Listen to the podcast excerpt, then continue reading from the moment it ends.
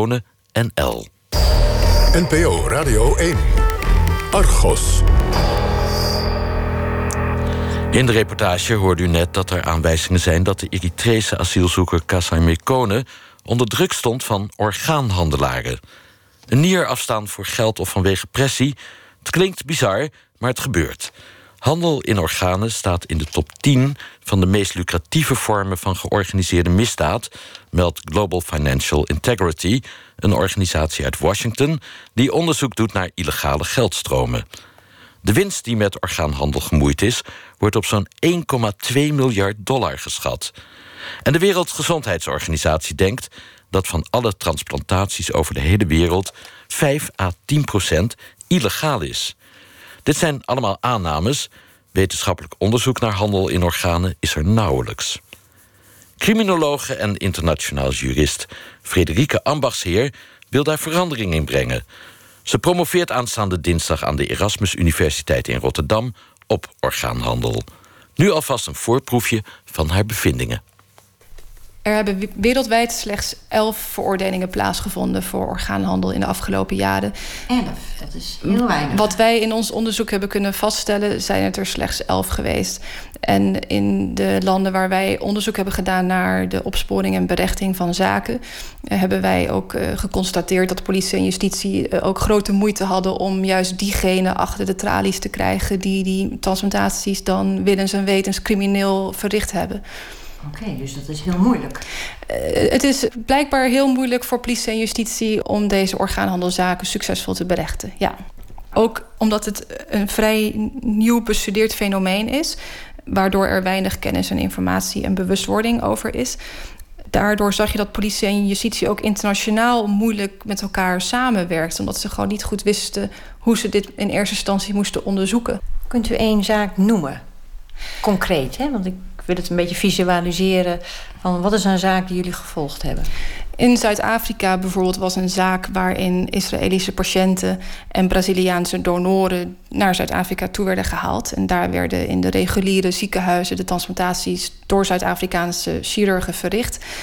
En ondanks dat er sterke aanwijzingen en ook bewijzen waren voor het feit dat ze wisten dat die transplantaties vermoedelijk uh, niet in de haak waren, zijn al die artsen toch uh, niet veroordeeld. En in Kosovo dat was in eerste instantie leek dat een groot succesverhaal. Dat was namelijk de eerste keer dat er artsen zijn berecht voor mensenhandel met het oogmerk van orgaanverwijdering. En ook voor hun betrokkenheid bij een criminele organisatie. Ze hebben een strafoplegging gekregen van zo'n acht jaar, maar geen van hen zit in de gevangenis.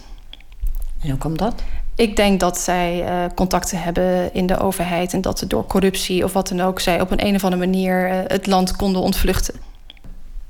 In Kosovo vonden de meeste gevallen plaats met excessieve uitbuiting. En dat kwam dan vooral doordat donoren daar niet goed behandeld zijn. Die zijn ten eerste heel slecht voorgelicht over de transplantatie. Er werd tegen hen gezegd uh, dat het een uh, hele milde ingreep was zonder enig risico. Uh, ze werden vervolgens veel te vroeg uit het uit de kliniek. Ik wilde zeggen ziekenhuis, maar het was een privékliniek. Die overigens niet eens een licentie had om transplantaties überhaupt te mogen uitvoeren. Maar goed, die donoren zijn slecht behandeld, kregen ook niet het beloofde geldbedrag wat ze zouden ontvangen. Degene die niet het beloofde bedrag kregen, aan hen werd gevraagd om op zoek te gaan naar nieuwe toekomstige donoren die bereid zouden zijn dan in Kosovo hun nieren te verkopen.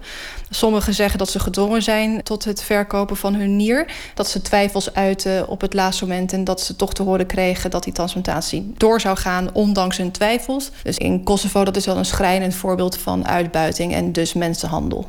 En u bent ook naar die landen afgereisd. Ja. Wat heeft u daar dan letterlijk gedaan? Wij hebben daar gesproken met voornamelijk politie en justitie... die belast waren met de opsporing en vervolging van deze zaken. Wij wilden van ze weten wat hun ervaringen waren... maar ook de successen en obstakels vooral die ze daarbij uh, hebben ervaren. Wat waren de obstakels? Uh, gebrekkige internationale samenwerking, gebrekkige oude wetgeving. Ze hadden in sommige gevallen zeer veel moeite om uitbuiting te bewijzen. Want uh, in enkele gevallen waren de donoren verdwenen. Wisten ze niet waar die donoren waren. Een ander obstakel was dat patiënten niet altijd wilden meewerken als getuigen tegen de handelaren. Omdat patiënten zeiden dat zij hun levens hadden gered. Ja, noem maar op. Het was een waslijst vol. En dat is toch wel moeilijk om aan te horen als je daar dan bent. En je realiseert je dat in die grote zaken, want het ging om honderden illegale transplantaties, dus vele betaalde donoren en ook zieke patiënten. Waar dan de artsen garen bij hebben gesponnen. Die hebben al dat geld opgestreken. In Kosovo ja, maar ook handelaren. En in Zuid-Afrika is het meeste geld naar de orgaanhandelaar gegaan die organisatie runde. Volgende week uh, duiken we dieper in de orgaanhandel. U hoorde trouwens een interview van redacteur Sanne Boer. We gaan het dan met Frederike Ambachtsheer hebben over het feit dat orgaanhandel geen prioriteit heeft bij de opsporingsinstanties, ook in Nederland. Waarschijnlijk is er eerst een groot ongeluk nodig voordat dat verandert. Ze hoopt met haar onderzoek te bereiken dat politie en justitie actiever gaan optreden tegen orgaanhandel. Mensen die daarbij zouden kunnen helpen zijn artsen en hulpverleners, maar ook daar zit een probleem.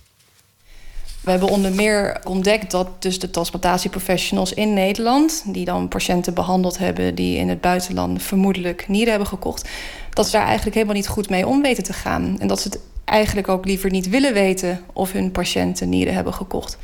Hoe bedoelt u dat?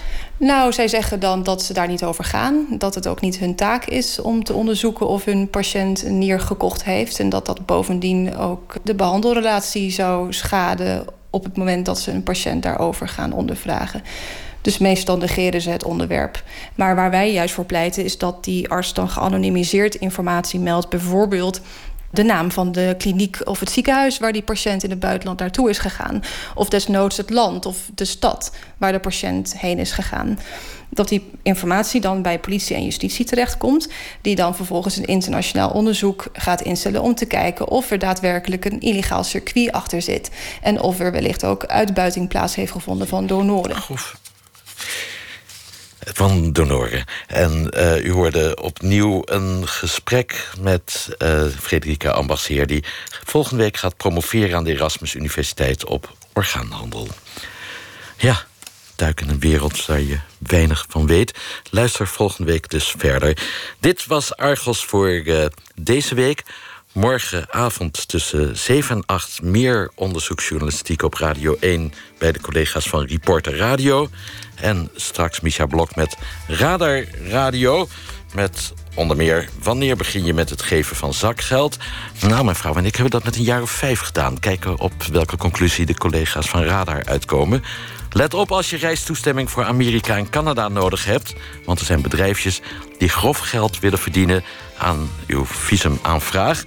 En lijfrente laten uitkeren is niet altijd makkelijk. Je denkt via een lijfrente goed je oude dag geregeld te hebben, maar is dat ook zo? Dat straks allemaal op Radio 1. Ik wens u een heel goed weekend.